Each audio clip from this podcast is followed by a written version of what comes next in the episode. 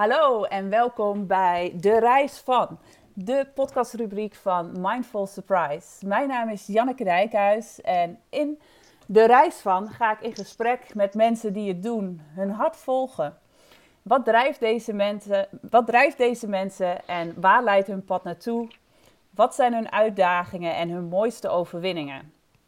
Nou, de aftrap kan niet anders dan met deze hele bijzondere dame, Susanne van der Veken.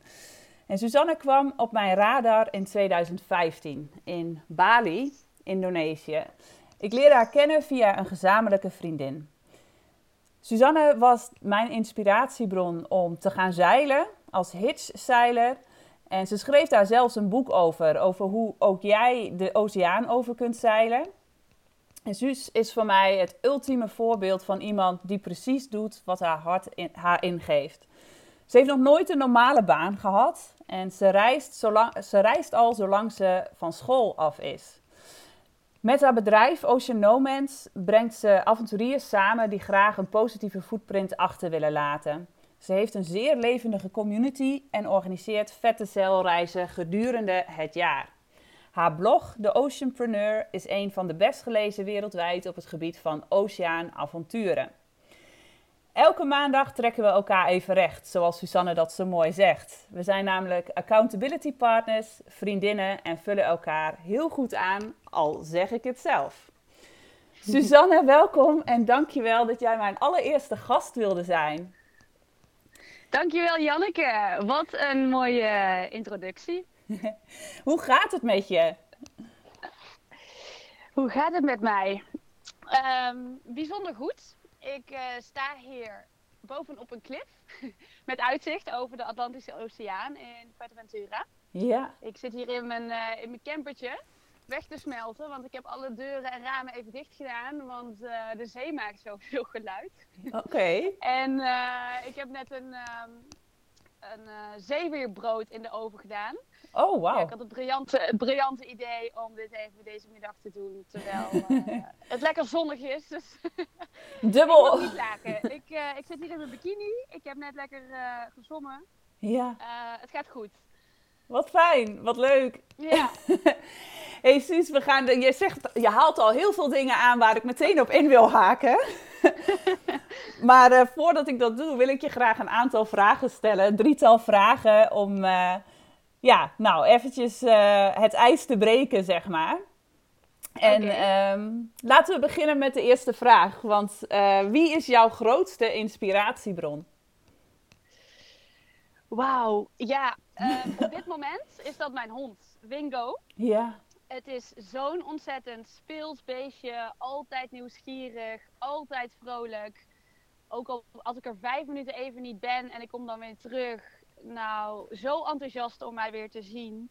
Mhm. Ehm, altijd daar. En ja, hij houdt me ontzettend scherp om uh, te blijven avontureren, nieuwsgierig te blijven en ontzettend uh, present te zijn met wat er nu is. Uh, ja.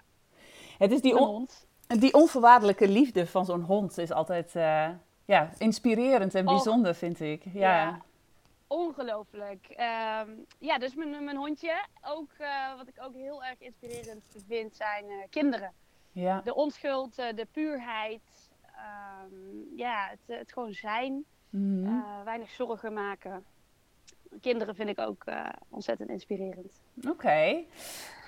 En, mijn tweede vraag aan jou, voordat we verder gaan duiken in jouw verhaal, is jouw definitie van spiritualiteit dat is eigenlijk een beetje een persoonlijke obsessie om te weten, om te achterhalen nou ja, hoe mensen daarnaar kijken. Omdat als je op definitie spiritualiteit zoekt, is er niet één vaste definitie voor.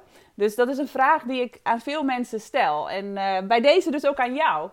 Kun je mij jouw definitie van spiritualiteit vertellen? Delen. Spiritualiteit. Uh, in mijn beleving, spiritualiteit is um, ja, met name het, het bewustzijn. Uh, het bewustzijn in de wereld, het bewust de dingen doen en, en beleven. En um, daarin ook stap voor stap een stukje, een stukje beter worden. Oké, okay. beter worden in? je bewustzijn verruimen. Ja, je bewustzijn verruimen. ehm, ja, jeetje. Ik vind het een, ik vind het een moeilijke vraag. Ja, het is zo ongrijpbaar, hè, spiritualiteit. Het is ongrijpbaar. Ik had Ja. altijd een beetje het idee bij spiritualiteit dat dat een woe wawa iets is. ja. Ehm, ja, het is ontastbaar. Ehm, ik gebruik het woord zelf ook heel weinig eigenlijk. Ehm, maar ja, eerste impressie zo, ja, het gewoon hoe jij in de wereld staat. En ehm, ja, jezelf daarin ook verbeteren. Oké. Dank Op elk vlak, op elk gebied. Hey, en als ik me niet vergis, ben jij een jaar of 35, 36. Dus ehm, Ja, ik word, eh, even kijken, over Ja. drie weken word ik 36. kijk aan. 36, jeetje. Ja, en al heel wat kilometers op deze wereld, eh, rond de wereld gemaakt. En waarschijnlijk heel Ja. veel wijsheden al opgedaan. En ehm, ik ben heel benieuwd wat jij tegen je 18-jarige zelf zou zeggen. Op deze respectabele leeftijd van bijna 36 jaar. Ja, volg je hart, ga het doen. Ik weet nog wel toen ik eh 18 was, nou Mhm. 17. Ik was 17 toen ik klaar was met de middelbare school. En ik wilde heel graag op reis, want ik had geen idee wat er in de wereld speelde. Ik had geen idee wat ik wilde studeren. Wat Hmm. in principe een beetje van je verwacht werd in je omgeving. En eh, ik heb me destijds best wel laten leiden, gewoon door ja, verwachtingen van buitenaf. Of wat ik denk dat de verwachtingen zijn. En ehm, ja, wat minder echt door mijn hart en nieuwsgierigheid. En, Mhm. eh, dus toen ben ik eerst maar eens wat gaan studeren. Mhm. Maar dat heb ik snel, eh, ik heb snel koers gewijzigd. en eh, sindsdien wel min of meer mijn hart gevolgd. Maar Ja. ja, mijn, mijn 18-jarige zelf. Ja, volg je hart. Ga het doen. If not Mooi. now, then when. Ja, ja, dat zinnetje dat vind ik ook zo ehm à la Suus. If not now, then when. Die, die gebruik ik zelf ook steeds vaker om mezelf over een streep heen te trekken als ik ergens tegenaan loop te hikken. Dus eh, heel mooi. Hey, maar ehm, je zegt net, eh, op mijn 17, op 17-jarige leeftijd liet ik me eh, leiden door de maatschappij, door de verwachtingen, misschien ook van ouders. Maar hoe zag dat er dan uit? Wat voor studie koos je en hoe ging dat? Ja, ja, ik wist eigenlijk niet beter. Ehm, maar dan, eh, ja, dan zit je op de middelbare school en dan nou, eerst kies je een vakkenpakket. Ik had dan, toen al geen idee van, jeetje, wat, eh, wat vind ik interessant. Ik vond Mhm. het eigenlijk allemaal wel interessant.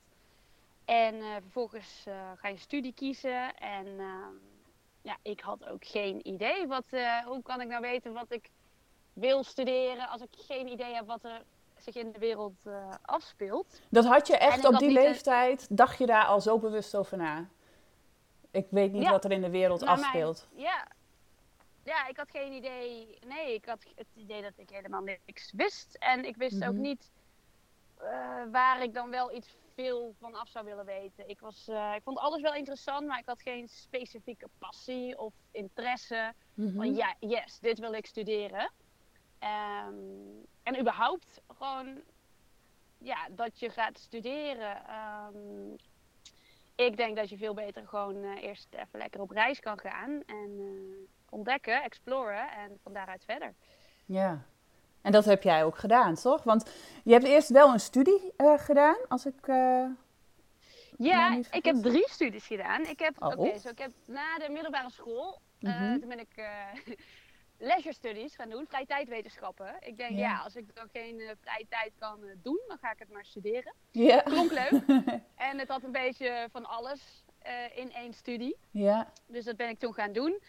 En eh, ja, het was veel te academisch voor mij. Ik heb hartstikke leuke mensen daar ontmoet. Want het waren bij die studie allemaal een beetje van die plierenfluiters. Ja. Maar ehm, ik, eh, nee, ik vond het niet, het studie studeren zelf vond ik niet leuk. Mhm. Ehm, maar toen, ehm, tijdens die studie ben ik met een clubje voor het eerst op wintersport geweest. Ja. Nou, en toen ging er een wereld voor me open. Ik vond dat zo gaaf. En ik had toen ook mensen ontmoet die dat een heel seizoen deden. En ik denk, oh, nou, zo kan het ook. Ja. En toen had ik voor de derde of vierde keer een tentamen op 0,1 punt niet gehaald. En toen was mijn moeder die zei van, hé hey, Suus, moet je niet eens gewoon mee stoppen met de Oh. studie? Wauw. En ja, en, ja, en toen dacht ik van, oh, oh, dat is ook een optie. Ja. Nou, er viel in één keer een last van mijn schouders. En ehm, nou, toen ben ik dus inderdaad gestopt. En toen ben ik een eh, job gaan zoeken in een wintersportgebied. Om een half jaar eh, ja, te kunnen snowboarden en te ontdekken. En, ehm, En wat gaaf dat jouw moeder eigenlijk eh, die optie op tafel gooide. ontzettend gaaf. En ook ontzettend dankbaar voor. Ik heb vrij eh, liberale ouders. En eh, ja, ehm, de kinderen studeren en die gaan dan studeren. Maar joh, uiteindelijk wil je ouders ook dat je kind gewoon gelukkig is. Mhm. Dus dat had mijn moeder, die had het wel in de smiezen. Dat dat studeren mij niet gelukkig maakte. Nee. Nee. Maar je bent daarna nog wel weer opnieuw een studie gaan volgen.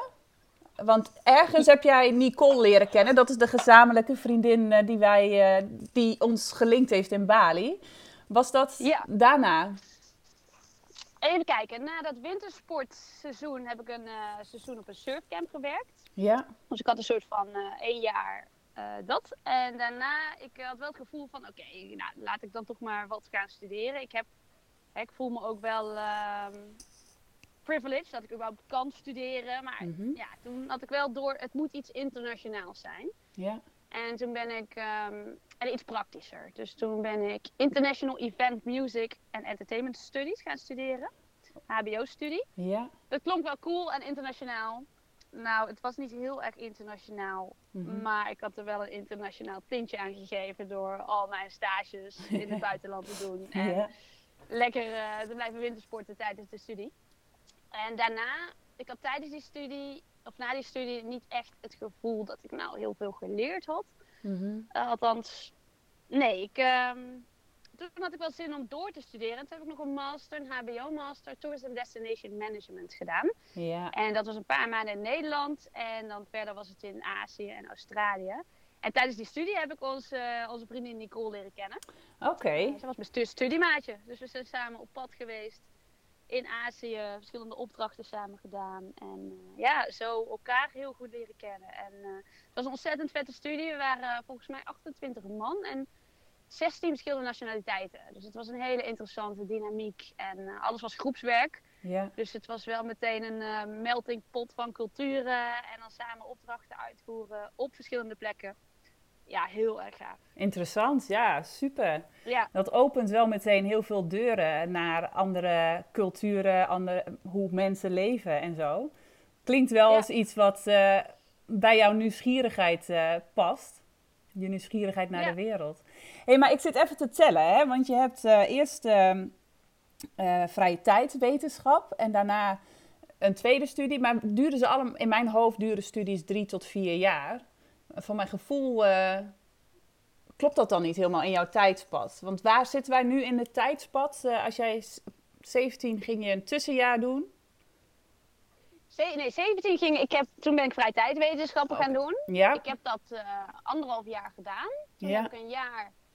Ik was 19 toen ik ehm, naar de sneeuw ging. Dat weet ik nog, want ik werd overal afgewezen omdat ik nog geen 20 was. Ik vond de 19 te jong om in de sneeuw te werken. Oké. Ehm, even kijken, dat heb ik toen een jaar gedaan. Die HBO-studie was. Oef, drie of vier, drie jaar volgens mij. Ja. Volgens mij drie jaar. En ja, tijdens die studie was ik ook naar eh, Australië en eh, Mauritius. Ja. Ehm, en daarna, even kijken. Ja, recht na deze studie, die HBO-master. Dat, is één, dat was maar één jaar. Oh, Dus dat vond ik ook wel fijn. Die kon je meteen instromen, omdat het een HBO-master was. En ehm, ja, die heb ik afgerond in eh 2010, geloof ik. Oké. En alles was al heel erg buitenland gefocust. eh, Ja. In je studies. En, en dan ben je daar klaar mee. En ehm, vanaf dat moment, volgens mij ben jij gewoon blijven reizen. In Azië gebleven, Australië gebleven. En nooit meer omgekeken. Zo voelt het voor mij soms. ehm. Ja, hoe voor mij ook. Eh, ik ben wel, eh, ja, ik ben wel af en toe zo eens in Nederland, maar ja. nee, ik ben eigenlijk nooit meer echt eh, gestopt met reizen. En niet zozeer reizen, reizen, maar vaak een half jaartje hier en dan lokaal zeg maar allerlei mini-avontuurtjes hebben. En altijd wel op pad met een project of een baan of vrijwilligerswerk uh, of iets leren. Ja. Na mijn studie ben ik toen... ehm, ja, ik vond het ook lastig om een toffe baan te vinden toen. Ja. Ik wist ook allemaal niet zo goed wat ik wilde. Wat ik wel wist, dat ik heel graag Spaans wilde leren. Ja. En uh, nou, toen keek ik wat ik op mijn bankrekening had. Ik had 2000 euro. En dan ben ik toen mee naar Peru gevlogen. Uh, met die 2000 euro, want ik had uitgevogeld dat ik daar best wel lang kon doen met weinig geld. En uh, dat we daar goed duidelijk Spaans spreken. En ik had daar al wat connecties. Ja. En um, een jaar lang ben ik daar gebleven. Wauw. Um, ja. hey, en wat is dan um, het langst wat jij sindsdien weer in... Sinds dat jij, zeg maar, voor je studie... Ik denk dat we hem vanaf daar al wel kunnen trekken. Dat je naar Azië en Australië vertrok. Wat is sindsdien het langst geweest dat je in Nederland bent geweest? Dat, dat, dat weet ik eigenlijk ook helemaal niet van je. Ik ook niet. Nee, volgens mij niet langer dan, dan, dan drie weken of zo. Um, Aan één gesloten dan natuurlijk. Want volgens mij kom je wel Ja. elk jaar even terug, toch? ja, ja, ja, zeker weten. Um, ik heb geen idee.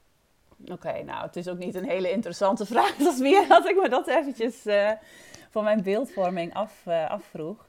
hey, en ik heb natuurlijk zelf ook best veel gereisd. En de vraag die, uh, die mij wel regelmatig gesteld werd, en die ga ik jou nu ook stellen. Ben je op de vlucht of is dit een zoektocht? Ah, ja, nee, die vraag heb ik ook vaak wel gehad, maar... Ja. Nee, totaal niet. Misschien, misschien tien jaar geleden wel, maar dat vind ik lastig omdat nu. Uh, nou, een zoek, ja, was misschien wel een zoektocht. Van, ja, wat, wat, wat vind ik interessant? Wat wil ik?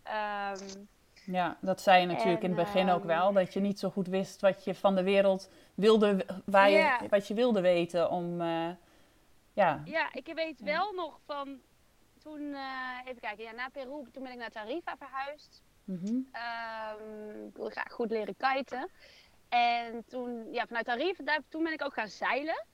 Enthousiast geworden over heel dat zeilen. En toen, weet ik nog, toen ging ik een oversteek maken over de Atlantische. En toen heb ik mijn studiootje dat ik had in Tarifa, mm -hmm. had ik onderverhuurd. Ik denk, hé, hey, dat is fijn als ik dan terugkom. Dan heb ik een plekje.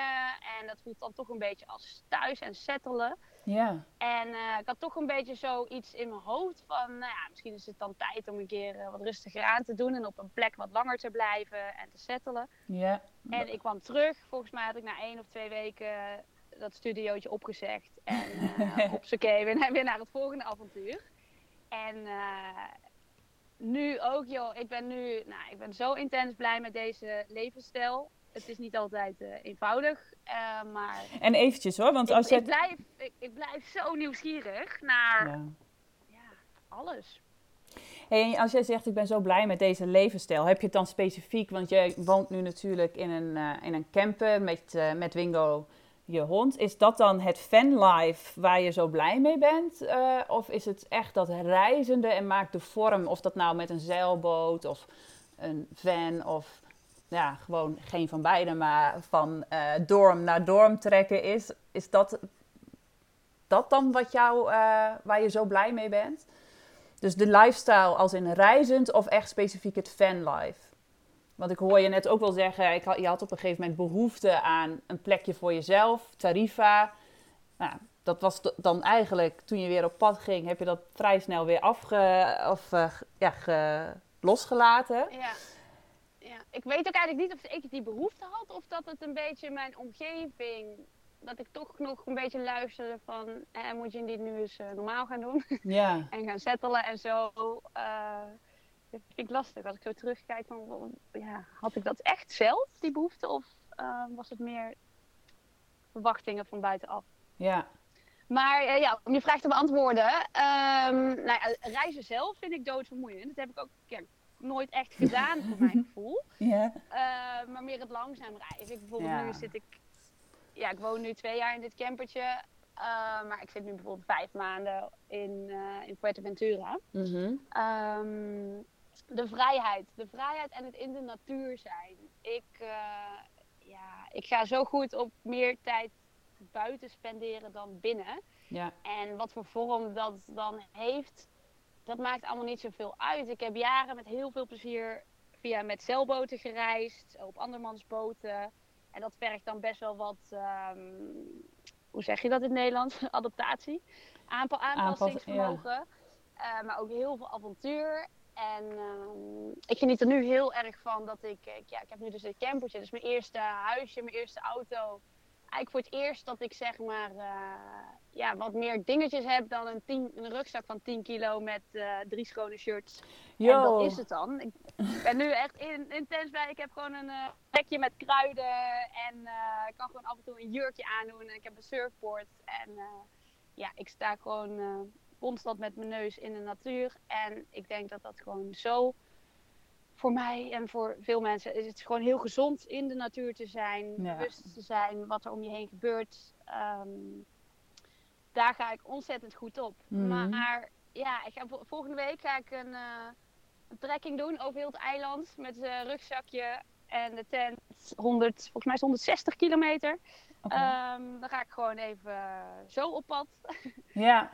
um, ja, je wisselt het dus gewoon eigenlijk af. Naar hoe, ja, ook wat met zeilen. Je... Ik heb net een zeiltocht gedaan van een maand.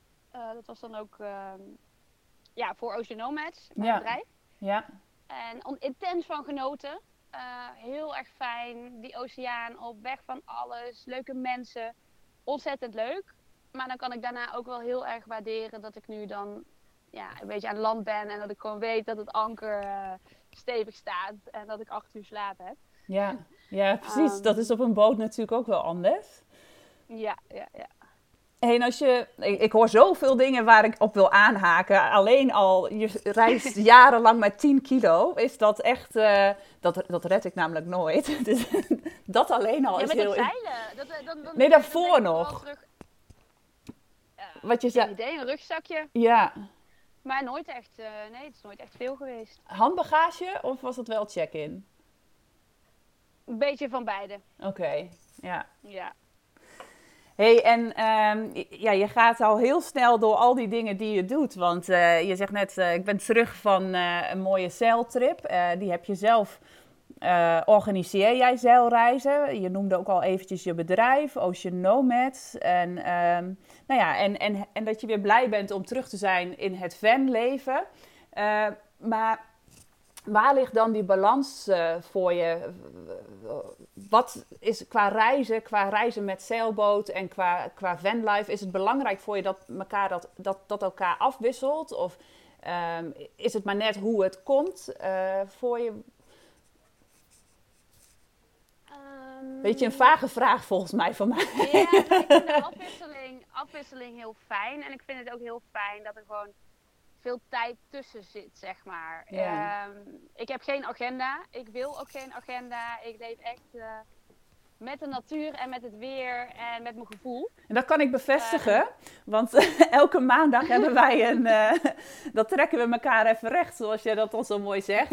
Maar maandag wordt ook wel eens dinsdag of woensdag of donderdag of vrijdag of zaterdag of zondag. En vier uur wordt ook wel eens vijf uur, zes uur.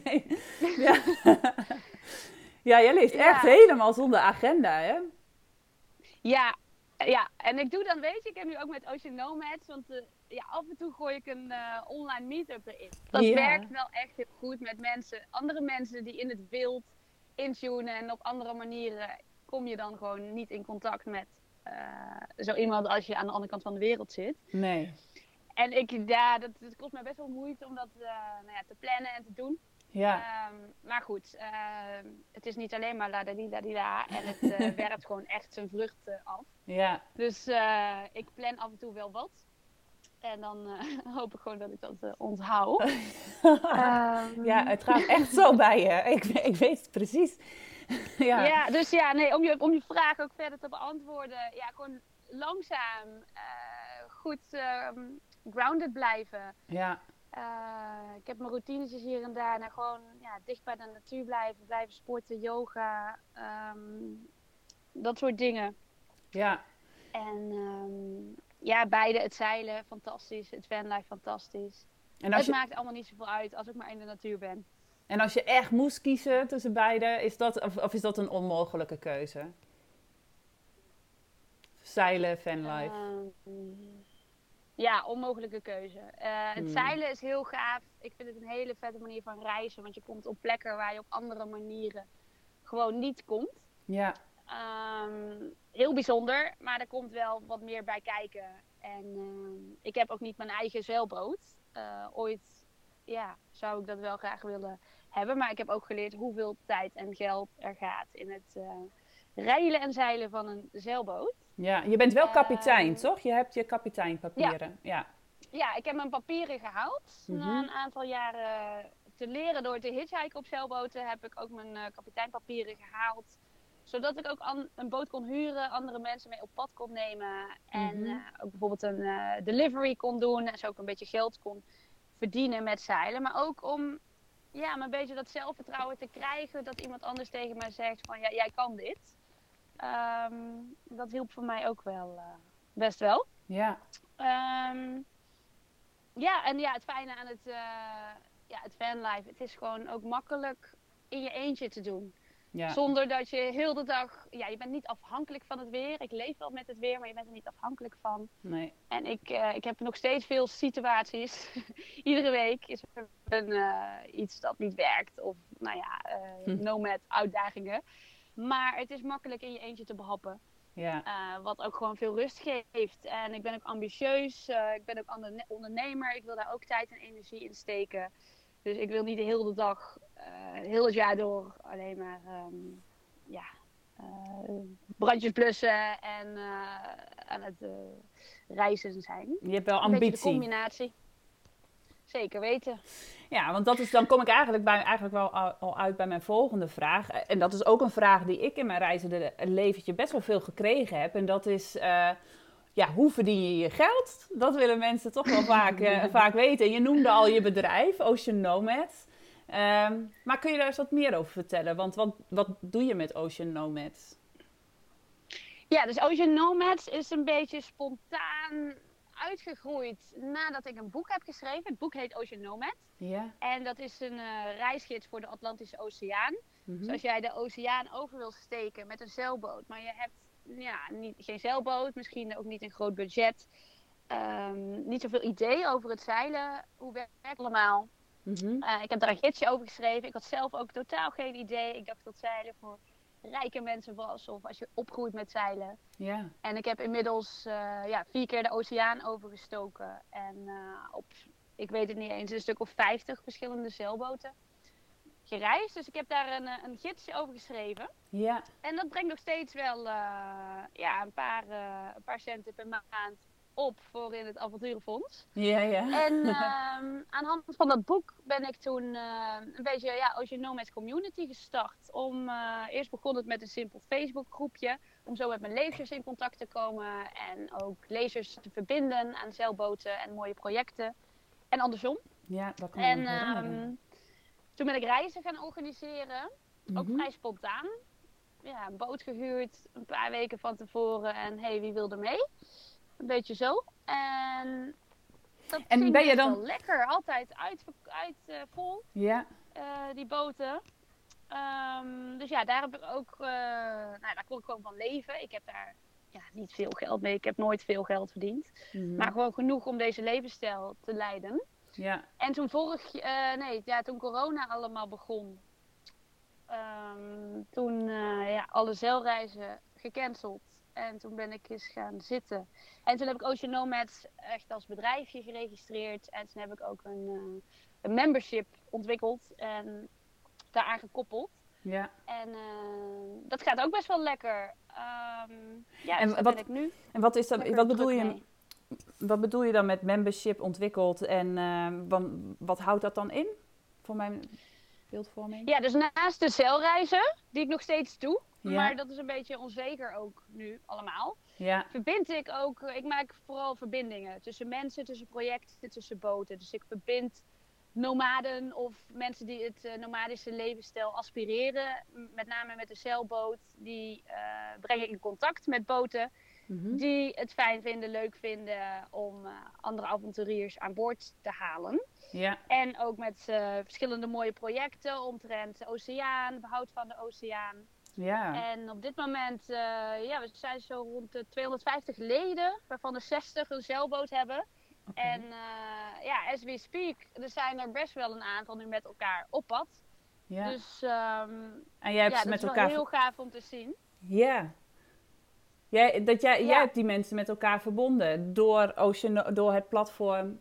Uh, geef je mensen met een boot dus de kans om crew te vinden en crew de mogelijkheid om, uh, om te kunnen crewen en een oceaan over te steken. Ja, en met name, ik richt me vooral op uh, avontuurlijke uh, type. Ja. En ook ehm, ja, doelgedreven, passiegedreven mensen, ook omtrent het milieu. Ja. Uh, want dat is mijn grote drijfveer. Mensen in contact brengen met de natuur. Mm zodat, ze, zodat iedereen zelf kan ervaren nou ja, hoe mooi het is, hoe bijzonder het is. Maar ook uh, de uitdagingen en realiteit zelf kunnen ervaren en zien. En hopelijk uh, inspireert dat om, um, ja, om je in te zetten voor een uh, beetje betere wereld. Dat is mijn hoop.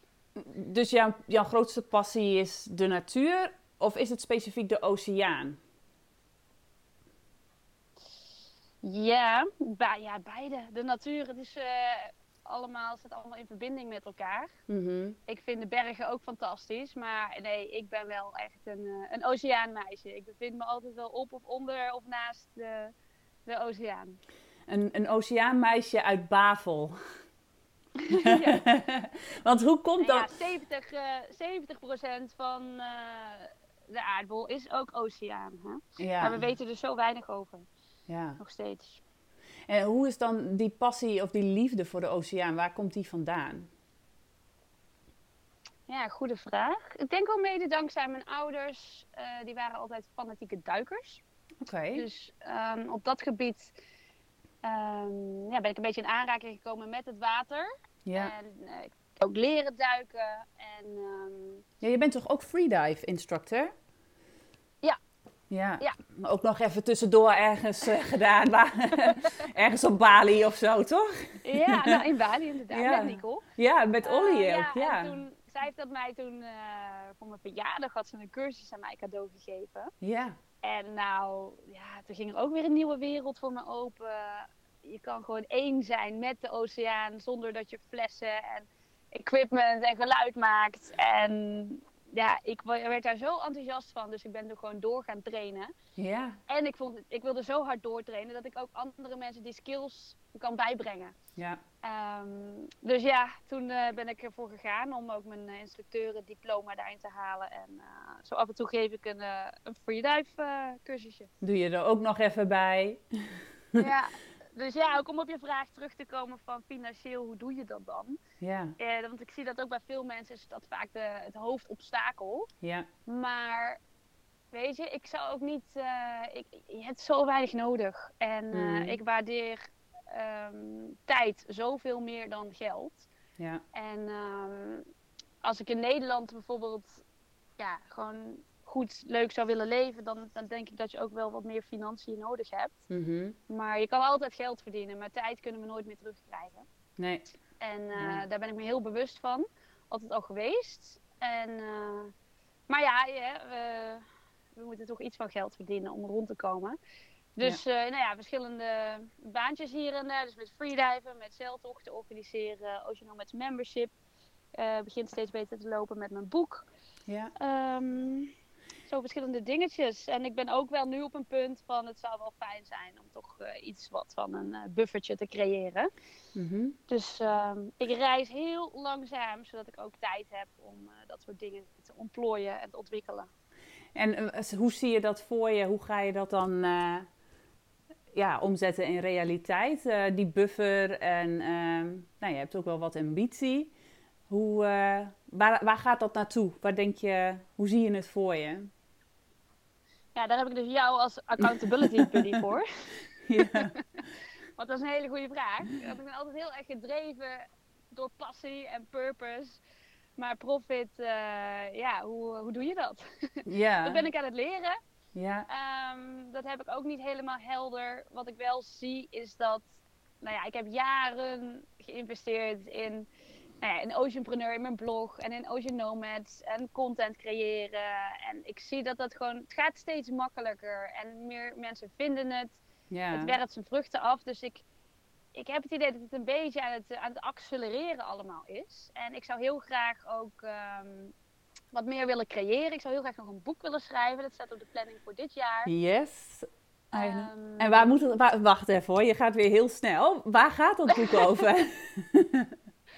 Ja, dat weet ik ook nog niet precies. Maar iets in de trant van bewust nomadisch leven. ja. Waarin ik een beetje het, het zeilleven kan vergelijken met het camperleven. Maar ook de verschillende nomad hacks die je onderweg zo door de jaren heen ontwikkelt. Mhm. Door ja, toch beter een eh bewuster te kunnen leven, een steentje bij te kunnen dragen. Ehm, ja, en hopelijk ehm, daar wat mensen mee te inspireren. ja. Maar dit ben ik nog aan het, eh, aan het uitdenken. Ik eh, ben nu vooral heel veel ballen omhoog aan het houden in de lucht. Dus dat is nu de eerste taak. Ik wil graag eh, nou ja, proberen iemand in te huren voor een paar uur per week. Om me zo te helpen, zodat ik zelf meer tijd en ruimte heb om ja, beter aan het grote plaatje te werken. Oké, en dan neem take, Ehm. take the floor. Wat, wat voor iemand zoek je? Ik eh, ben nu bezig ehm, met een, eh, een community manager voor Ocean Nomads. Ja. Dus eh, nou ja, iemand die een beetje mijn taak gaat overnemen met de verbindingen maken tussen de mensen. Mhm. Gepersonaliseerde verbindingen, online meetups kan hosten, ehm, me- nieuwe members kan verwelkomen en kan assisteren met wat er zich voordoet. Ja. En ja, misschien ook met, dan met lokale meetups en eh cel-evenementen. Ja. Ehm, Oké, en dus... ik ga ook, want ik wil meer tochten gaan organiseren. Mhm. Ehm, ik ga ook eh, andere expeditieleiders zoeken. Zodat ik niet zelf altijd mee op pad hoef. En eh, zodat ik ook meer tochten neer kan zetten. En van daaruit verder. En, en wat doet een expeditieleider? Die leidt een tocht. ehm, een Een zeiltocht. zeiltocht. Ja. dus bijvoorbeeld, ik heb er net eentje georganiseerd van Nederland naar Madeira, Canarische eilanden. En ehm, iedereen komt individueel naar zo'n reis toe. Ja. En ehm, ja, heel, het, eh, heel de reis leiden, mensen verwelkomen, het programma, mensen, mensen verbinden en de kracht ook uit de mensen halen die zeg maar meedoen aan zo'n reis. ja. Ehm, En dat doe je op grote Ja. tollships, toch? Ehm, Of- Sinds dit, even kijken, dit jaar, nee wacht, we zijn al in eh, 2022. Vorig jaar, ja, voor het eerst ook op een, op een grotere boot. ja. Waardoor ik dan niet, niet zelf de kapitein ben, maar waardoor ik meer mensen in één ruimte samen kan brengen. Ja. Eh, wat heel interessant is. En ook ja, een tocht over de oceaan kan organiseren met alle veiligheid en alle papieren goed geregeld. Ja. Ehm, dus ja, echt een samenwerking. Ehm, en dat is heel goed gegaan. Ja. Dus eh, die gaan we meer neerzetten. We gaan, eh, ja, als het allemaal goed gaat, eind dit jaar weer Nederland naar de Canaren en dan de Atlantische over. hey, en eh eventjes hoor, want als er nou luisteraars zijn die denken... hey, zo'n expeditieleider of de community manager, dat is, dat is helemaal iets voor mij. Hoe kunnen ze jou, waar moeten ze dan naartoe schrijven? Ja, dus ik ga ze deze week online zetten. Ehm, De Ik vacatures. zou zeggen, ja, de vacature. Hou Ocean Nomads in de gaten. De website is oceannomads.co. En eh, daar komt het op. Je kan je ook aanmelden voor de nieuwsbrief. Ja. eh, die er iedere nieuwe maan en volle maan uitgaat. En eh, daar zal het ook in komen te staan. En ook wel op social media. Oké. Nou goed, eh, hou, hou social en, eh, in de gaten en schrijf je in voor de nieuwsbrief wat dat aangaande. Ehm, ja, ik, wil, ik heb eigenlijk nog twee echt wel brandende vragen eh, over jouw lifestyle. En dat is... Kom op. Ja. wat is, wat is een, een groot crisismoment voor je geweest? Een crisismoment... bev- eh, ik ben zelf wel eens eh, zonder geld in eh, Medellin, Colombia gestrand bijvoorbeeld. Dat was wel een crisis voor mij.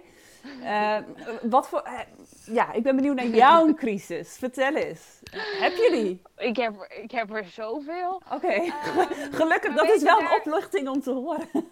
Ja, maar dat zijn juist de momenten waarvan je leert en sterker wordt. Dus ik, ik, ja, het is dan op dat moment misschien even crisis, maar terugkijkend zijn dat wel gewoon ja, fantastische momenten natuurlijk. Ik heb Ja. ook, nou, ik heb meerdere malen gehad dat ik geen geld had en met mijn laatste dollar een kokosnoot koop om even energie te krijgen. Oké, wat hoe gaan we dit aanpakken? Ja. En ehm nou, even ja, een 1, 2, 3, een groot crisismoment. Nou ja, ik heb een, ik heb een heel, ehm, hoe zeg je dat? Ehm, een heel hoge tolerantie voor een hoge onzekerheid. Ik heb geleerd Mhm. dat nou ja, als niks gaat zoals het moet, of geen geld meer hebt of wat dan ook, het komt altijd wel goed. En ehm, Nou. ja, het komt altijd wel goed. Ja, crisismomenten genoeg. Eh, een band die explodeert of alle zeilen die, die scheuren in het midden van de Atlantische en geen reservezeilen hebt. En Mhm. eh, een boot die zinkt. En, Wat? nou wat? ja, wat? Wat? ehm, dit klinkt als een. Als, al- dit klinkt als de winnaar. Een boot die zingt. Ik heb het volgens mij nooit aan mijn moeder verteld. Hoe- Ja, ehm god ja. Ehm, ik ben helemaal verliefd op die eh, mooie houten boten die op het strand gebouwd worden in eh, Grenada en de Caribbean. Ja. En ehm, ik ging mee met zo'n boot ehm, nadat deze boot een aantal regattes had gevaren en waardoor de boot best wel eh, nou ja, gebruikt was, zeg maar. En Ja. het was een tocht van 300 mijl. En ehm, ja, op een gegeven moment was er een plank gesprongen. En eh, het ging toch wel hard, dat water in de boot. En we hebben het wel iets terug kunnen zetten, maar het water bleef maar komen. Ja. En ehm, oh ja, alle pompen gingen stuk. Stuk Oh, voor stuk shit. gingen ze stuk.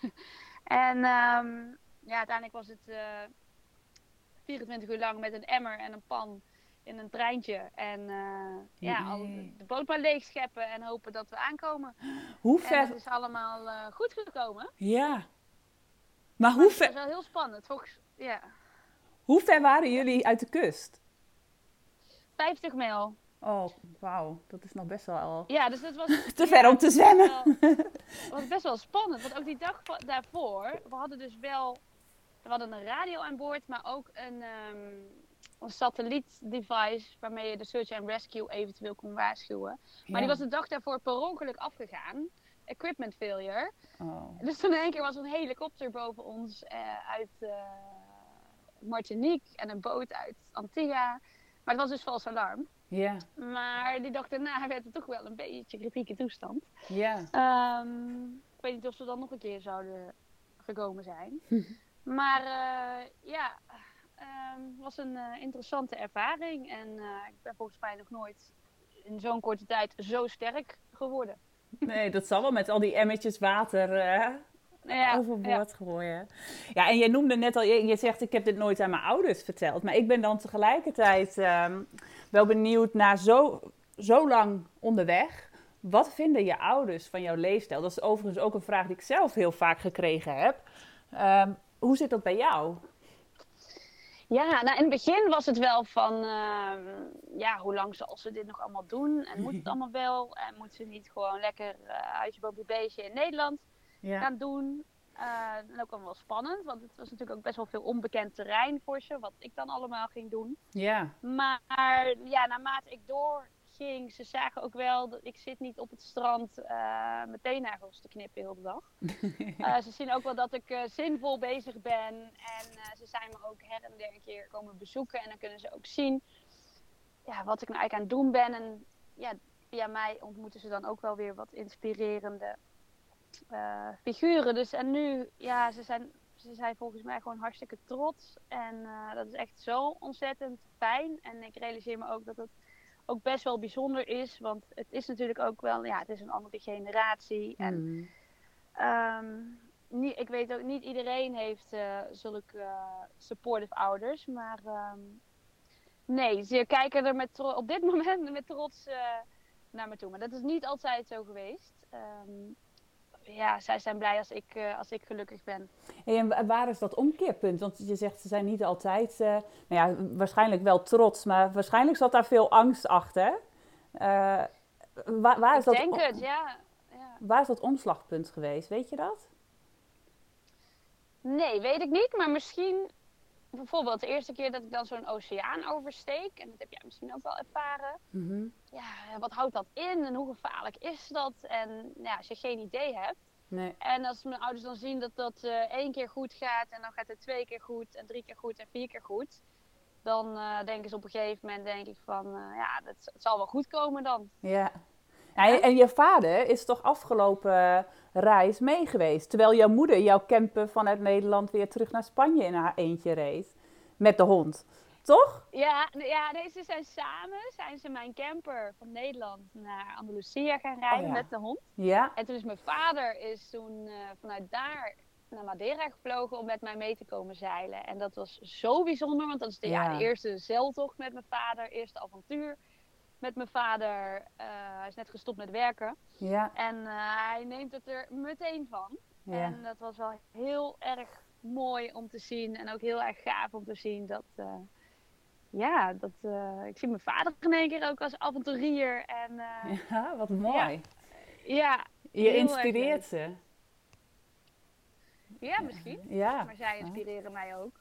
Ja. Hey Suus, ehm, voor, eh, voor dit gesprek ga ik hem afronden. Ik weet 100% zeker dat dit niet eh, het eerste en het laatste gesprek zal zijn. Maar ik, ik kom zeker weer bij je terug.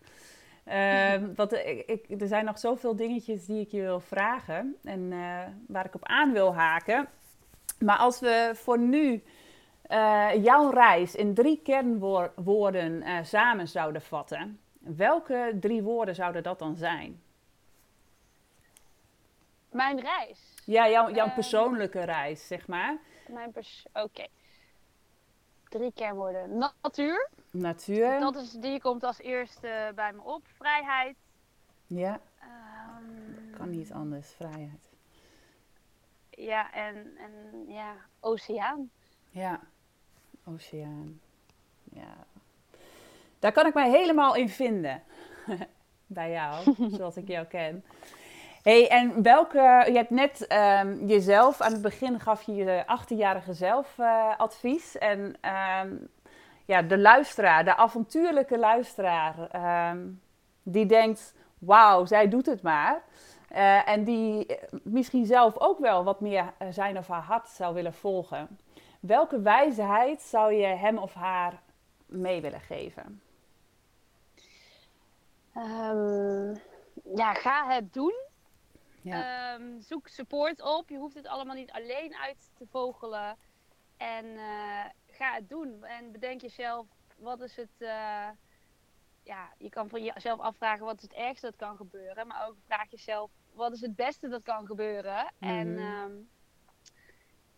van daaruit verder. Eh, maar probeer het in ieder geval. ja, mooi.